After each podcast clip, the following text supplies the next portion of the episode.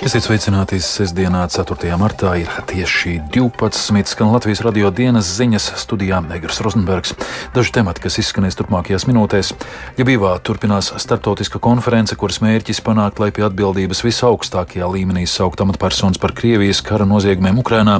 Latvijā parlamentārās izmeklēšanas komisija vispirms skaidrošot finanšu sektora kapitālā remonta iemeslus. Retās slimības miestēnijas pacienti prasa palielināt zaļu kompensācijas apmēru no 75 līdz 100 procentiem.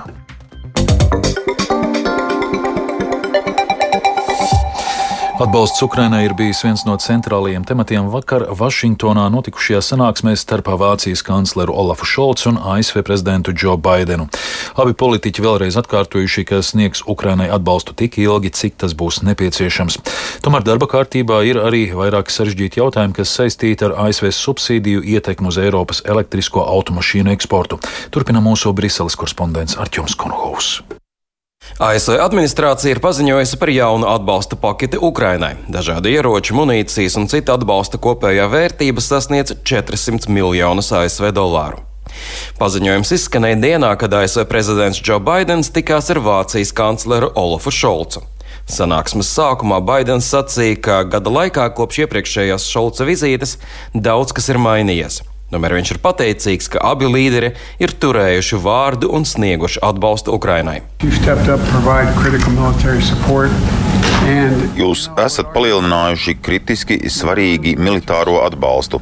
Es teiktu, ka papildus militāriem atbalstam, morālais atbalsts, ko jūs esat snieguši Ukraiņiem, ir bijis ļoti dziļš.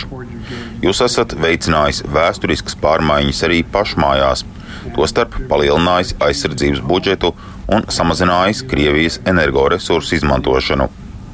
Es zinu, ka tas nav bijis vienkārši. Tas jums bija sarežģīti. Savukārt Šalts atkārtoja, ka šis ir ļoti nozīmīgs brīdis Ukrainas karā ar Krieviju, un tādēļ ir svarīgi nenogurstoši turpināt atbalstīt Ukrainu. Tomēr neko konkrētu par turpmākajiem soļiem vai gaidāmajām ieroču piegādēm no Vācijas kanclers neminēja. Šis ir ļoti, ļoti nozīmīgs gads, jo Krievijas iebrukums Ukrainā rada lielus draudus mieram. Tādēļ ir ārkārtīgi svarīgi, ka esam rīkojušies kopā, ka esam rīkojušies saskaņoti un padarījuši iespējamu atbalsta sniegšanu Ukrainai. Tādēļ šobrīd ir svarīgi sūtīt vēstījumu, ka mēs turpināsim atbalstīt Ukrainu tik ilgi, cik tas būs nepieciešams. As it, as Par ekonomikas jautājumiem tik lielas vienotības starp ASV un Eiropu pašlaik nav. Kā zināms, Vācija ir īpaši satraukta par ASV plānoto subsīdiju ietekmi uz tās ražošanu. Elektrisko automašīnu ražotājs Tesla nesen paziņoja, ka atsauc plānus būvēt Vācijā lielu akumulātoru rūpnīcu.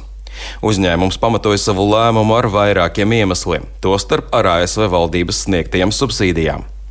ASV inflācijas samazināšanas akts paredz sniegt nodokļu atlaides Amerikā ražotajām elektriskajām automašīnām. Arī to sastāvdaļām ir jānāk no ASV.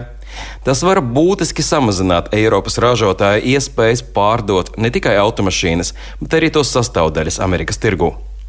Ir sagaidāms, ka šie jautājumi būs uzmanības lokā arī nākamnedēļ gaidāmās Baidena un Eiropas komisijas priekšsēdētājas Urzulas Fonderlejenas tikšanās laikā. Arcams Konahaus Latvijas Rādio Briselē. Ukrainas pilsētā Ļivivā turpinās starptautiska konference, kuras mērķis panākt, lai pie atbildības visaugstākajā līmenī saukt amatpersonas par Krievijas kara noziegumiem Ukrainā. Runa ir ne tikai par Krievijas karaspēka zvērībām pret Ukrainas civiliedzīvotājiem, bet arī par augstāko politiski atbildīgo Krievijas amatpersonu saukšanu pie atbildības. Pašlaik Ukrainā apzināta ap 70 tūkstoši šādu lietu. Ļivivā arī parakstīts sadarbības memorands starp Startautisko izmeklēšanas grupu un ASV, kas vēlas pievienot pievienoties šajā darbā, turpina ASV ģenerālprokurors Meriks Garlands.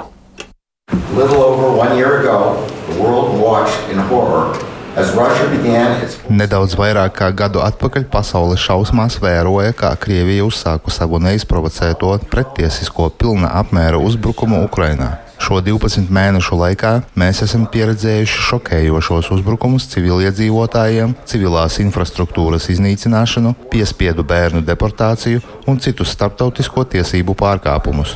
Pat pilsēta, kurā mēs šobrīd esam sapulcējušies, ir piedzīvojusi Krievijas nāvējošos uzbrukumus.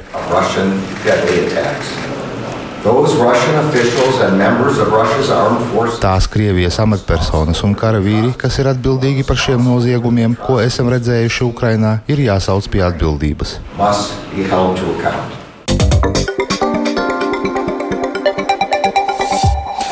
Šajā saimā pirmā parlamentārās izmeklēšanas komisija par pēdējo gadu notikumiem finanšu un banku sektorā lēmusi vispirms tikt skaidrībā par apstākļiem, kas noveda līdz tā saucamajiem finanšu sektora kapitāliem remontam un tā radītajām sakām.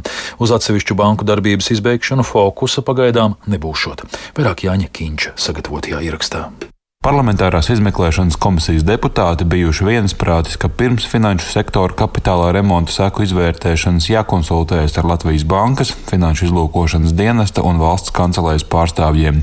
Izvērtējumu problēmu netrūkšot, pauž komisijas vadītājs Vilts Kristopāns no Latvijas pirmajā vietā. Lai saprastu, kas ir sastrādāts šī kapitālā remonta laikā, jo ir ļoti daudz jautājumu par kontu slēgšanu Latvijas pilsoņiem, par eh, ļoti vāju kreditēšanu. Latvijas banka varam pateikt, ka mums ir totāls konkurences trūkums banku tirgu.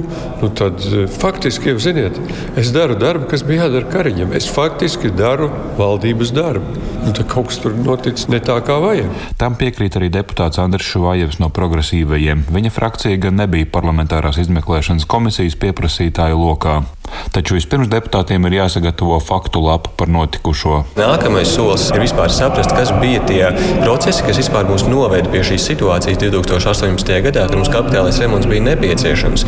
Jo, lai es labāk izprastu, kas ir tās sekas šobrīd, man ir labāk jāsaprot tie visi cēloņi. Parlamentārās izmeklēšanas komisijas pieteicēja nolūks bija arī izmeklēt iespējamu PNB bankas novešanu līdz maksāt nespējai, ABLV banka pašlikvidācijas apstākļus, kā arī Baltika International banka darbības apturēšanas apstākļus.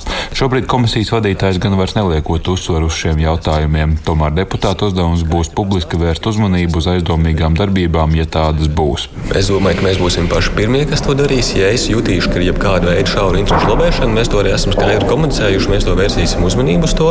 Mēs to darīsim arī publiski. Un, ja nepieciešams, mēs arī varam domāt par pārkārtojumiem komisijas vadībā, ja nu gadījumā mēs redzam šādas bažas. Līdz ar to es domāju, ka tas mūsu uzstādījums ir skaidrs. Šī ir nodokļu maksātāja nauda, kas ir šīs komisijas darba uzturēšanā. Mums pārliecināsimies, ka no tā ir skaidri ieguvumi visai valstī. Un, ja tur būs jebkāda veida riski, ka tas nenotiks, protams, ka mēs celsim trāci par to. Vēl tiešāk savas šaubas par parlamentārās izmeklēšanas komisijas rosinātāju nolūkiem pauž jaunās vienotības frakcijas deputāts Edmunds Jurēvits. Tāpēc viņa prāt būs pareizi ar valsts institūciju ieteikumiem nolikt robežas, lai komisija ar savu darbošanos netraucētu konkrētām tiesvedībām. Kā piemēru deputāts minēja maksāt nespējīgās PNB bankas bijušā vadītāja Grigorija Guseļņikova vēlmi ierasties saimā. Man nav zudušas šaubas, ka īstais parlamentārās izmeklēšanas izveidas mērķis nav neko izmeklēt, bet drīzāk piesakt atsevišķus banķierus, ar ko šobrīd Latvijas valsts tiesājās, gan Latvijas iekšienē, gan arī starptautiskā arbitrāžā. Man, protams, pārsteidz, ka komisijas priekšsēdētājs minēja, ka esot saņēmis Guseļņikova vēstuli, ka viņš vēloties uzstāties komisijas sēdē. Nu, es gan norādīju, ka tas ir nepieļaujami šādā situācijā, ja viens konkrēts personāžs, kas tiesājās ar Latvijas valsts, cik es saprotu, vēlētos izmantot parlamentāru izmeklēšanu, lai aizstāvētu savus intereses. Komisijai, kurā katru saimnes frakciju pārstāv viens deputāts, trīs līdz sešu mēnešu laikā jāsniedz ziņojums par minēto banku darbības izbēgšanas apstākļiem un finanšu sektoru kapitālā remonta sekām. Jāatgādina, ka to īstenoja, lai nepieļautu Latvijas iekļaušanu pelēkajā finanšu zonā. Jānis Kincis, Latvijas radio. Paula Stradiņa Kliniskā universitātes slimnīca un Reto neiroloģisko slimību centrs šodien rīko miastēnijas dienu. To organizē, lai mudinātu šīs retās slimības pacientus apvienoties biedrībā, lai skaļāk izskanētu prasība valstī izdevumus par zālēm kompensēt simtprocentīgi, nevis tikai 75% apmērā, kā tas ir pašlaik. Kas ir miastēnija un ar kādiem izdevumiem nāks rēķināties cilvēkiem, kuram jāsadzīvo ar šo slimību? Atbildes uz šiem jautājumiem meklēja Zane Ēniņa. Miastēnija ir reta neiromuskulāra slimība, kurai raksturīgs muskuļu vājums, tāpēc var būt traucētas acu vai plakstiņu kustības, sejas mīmika, košanas, rīšanas darbība. Ja skarta elpošanas muskulatūra, var būt grūti dziļi ieelpot, taču vāji var būt arī roku vai kāju muskuļi. Latvijā ir ap 250 miastēnijas pacientu. Par savu pieredzi stāsta viena no viņiem - Marija. Man atklāja pirms septiņiem gadiem.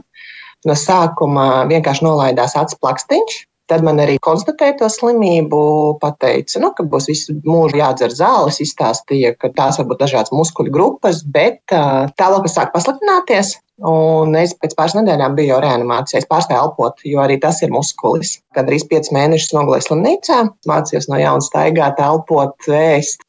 Miastēnijas diagnostika Latvijā kļūst ar vien labāka, uzskata Stradiņas slimnīcas reto neiroloģisko slimību centra vadītāja Viktorija Ķēniņa. Pamata terapija nav mainījusies kopš 70. gadiem, un vairākumam pacientu tā palīdz uzturēt labu veselību.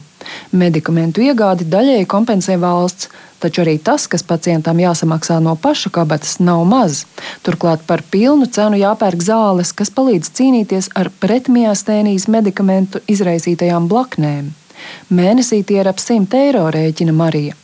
Tāpēc notiek miastēnijas diena - pasākums, kurā šīs slimības pacienti tiks mudināti apvienoties, lai viņu prasība pēc simtprocentīgas zāļu kompensācijas izskanētu skaļāk. Zana Eniņa, Latvijas radio. Pirmo spēli jaunajā Nacionālās hokeja līgas komandā Vegasas Golden Knights šorīt aizvadījis latviešu uzbrucējs Teodors Bļūgers. Viņš uz šo komandu negaidīti tika aizmainīts pirms divām dienām no Pitsburgas Pingvīns vienības. Par to, kā Bļūgeram veicās pirmajā spēlē Golden Knights kraklā, pastāstīs kolēģis Rēnis Grunspeņķis, kurš pievienojies studijās. Sveiks! Jā, sveiks, Aigar, un sveicināt klausītāji. Jā, Bļugaram īsā laika posmā notikušas būtiskas pārmaiņas. Līdz šim viņš visu NHL karjeru bija spēlējis Pitsburgas rindās, bet pirms NHL maiņu darījuma loga aizvēršanas tika aizmainīts uz vienu no spēcīgākajām līgas komandām Vegasas Golden Knights. Un šonakt Vegasas komanda pēc spēles metienu sērijā ar 4-3 pārspēja Ņūdžersijas Devils hokeistus, un šobrīd rietumu konferencē ieņem līderu pozīciju. Bļūgers spēlēja 4. maiņā, bet uz ledus kāpa jau pašā sākumā, uzvarot atklāšanas iemetienā. Kopumā viņš laukumā pavadīja nepilnas 16 minūtes, to laikā divreiz meta pa vārtiem, izdarīja vienu spēku paņēmienu un nopelnīja negatīvu liederības koeficientu mīnus 1. Lielisku darbu Vegasas vārtos paveica kanādiešu vārdsargs Eidins Hills, kurš atvairīja 47 pretinieku metienus un nosargāja vārtus neieņemtus arī bulīšos. Par aizvadīto spēli un pašreizējo situāciju komandā turpina Eidins Hills. Uh, I felt like I had a good game, and uh, you know, at the end of it, uh, we got the win. Bija laba spēle, beigās izcīnījām uzvaru, un tas ir svarīgākais. Pēdējā laikā ir sajūta, ka visas komandas spēlē playoff hokeju, un arī šī bija tāda spēle. Neteiktu, ka šis bija labākais mačs manā karjerā, bet jutos labi, un manuprāt, labi lasīju spēli un izsekoju ripai. Mums ir laba komanda, dabūjām dažus spēlētājus maiņas darījumos. Domāju, ka mums ir labākais aizsardzības kodols līgā, un man patīk patīk arī mūsu sastāvu dziļums uzbrukumā. Kad spēlējam savu spēli pareizajā veidā, domāju, ka esam grūti uzvarama komanda. Kādi sporta notikumi gaidām šodien? Jā, nu šodien eh, diezgan plašs notikumu klāsts. Eh, pēdējo startu šī gada pasaules čempionātā distanču slēpošanā šodien pulksten vienos aizvadīs Patricija Eiduka, piedaloties 30 km klasiskā stila distancē ar kopēju startu. Tā kļūt izaicinoša distance Patricijai. Eh, savukārt Bietlona pasaules kausa posmā Nova Mesto gaidāms iedzīšanas sacensības gan vīriešiem, gan sievietēm. Vīriem uz starta stāsies nevien Andrejs Rastargujevs, kuram 59. starta numurs, bet arī Edgars Mise, kurš distancē dosies kā 42 otrais. Bet tepat Latvijā jau vairākas dienas notiek Latvijas hokeja virslīgas izslēgšanas spēles. Pagaidām tiek aizvadīta ceturdaļfināla kārta, un šodien sērijas otrajās spēlēs tiksies Rīgas Dienāmo pret Kaunas City, kā arī Zemgala pret Elektrēnu enerģiju. Abas Latvijas komandas lūkos nostiprināt vadību sērijā līdz trim uzvarām, jo pirmajos mačos e, izdevās izcīnīt uzvaras. Bet pagaidām par sportu man tas arī viss. Paldies, Rēni! Izskan Latvijas radio dienas ziņas producents Edgars Kupčs, ierakstu samontēja Renārs Štēmanis par labskaņu rūpējās Mārtiņš Paeglis, studijā Egars Rozenbergs vēlreiz īsumā par svarīgāko. Ļuvivā turpinās startautiska konference, kuras mērķis panākt, lai pie atbildības visaugstākajā līmenī saukt amatpersonas par Krievijas kara noziegumiem Ukrainā. Latvijā parlamentārās izmeklēšanas komisija vispirms skaidrošot finanšu sektora kapitālā remonta iemeslus. Vēl par laikapstākļiem. Yeah. Rīgā mīnus 1 grāds brāzmains ziemeļa rietumu vējš, atmosfēras spiediens 748 mm, relatīvais gaisa mitrums 79%. Sinoptiķi prognozē, ka šodien Latvijā gaidāms mākoņdienas laiks, sniegs, sniega sagas biezums pieaugs par 5-8, vietām centrālajos rajonos par 10 cm, sagaidāms putenis, veidosies sniega sanasumi, būs slideni ceļi, mērens rietumu ziemeļa rietumu vējš brāzmās līdz 23, piekrastē pat 27 m2, gaisa temperatūra plus 1, mīnus 2 grādi. Rīgā būs apmācies laiks, ilgstošs sniegs, sniega saga pieaugs par 5 līdz 9 cm, būs slidenas ietves un brauktuves, mērens rietumu, ziemeļa rietumu vējš brāzmās līdz 23 m2, gaisa temperatūra šodien ap nulli.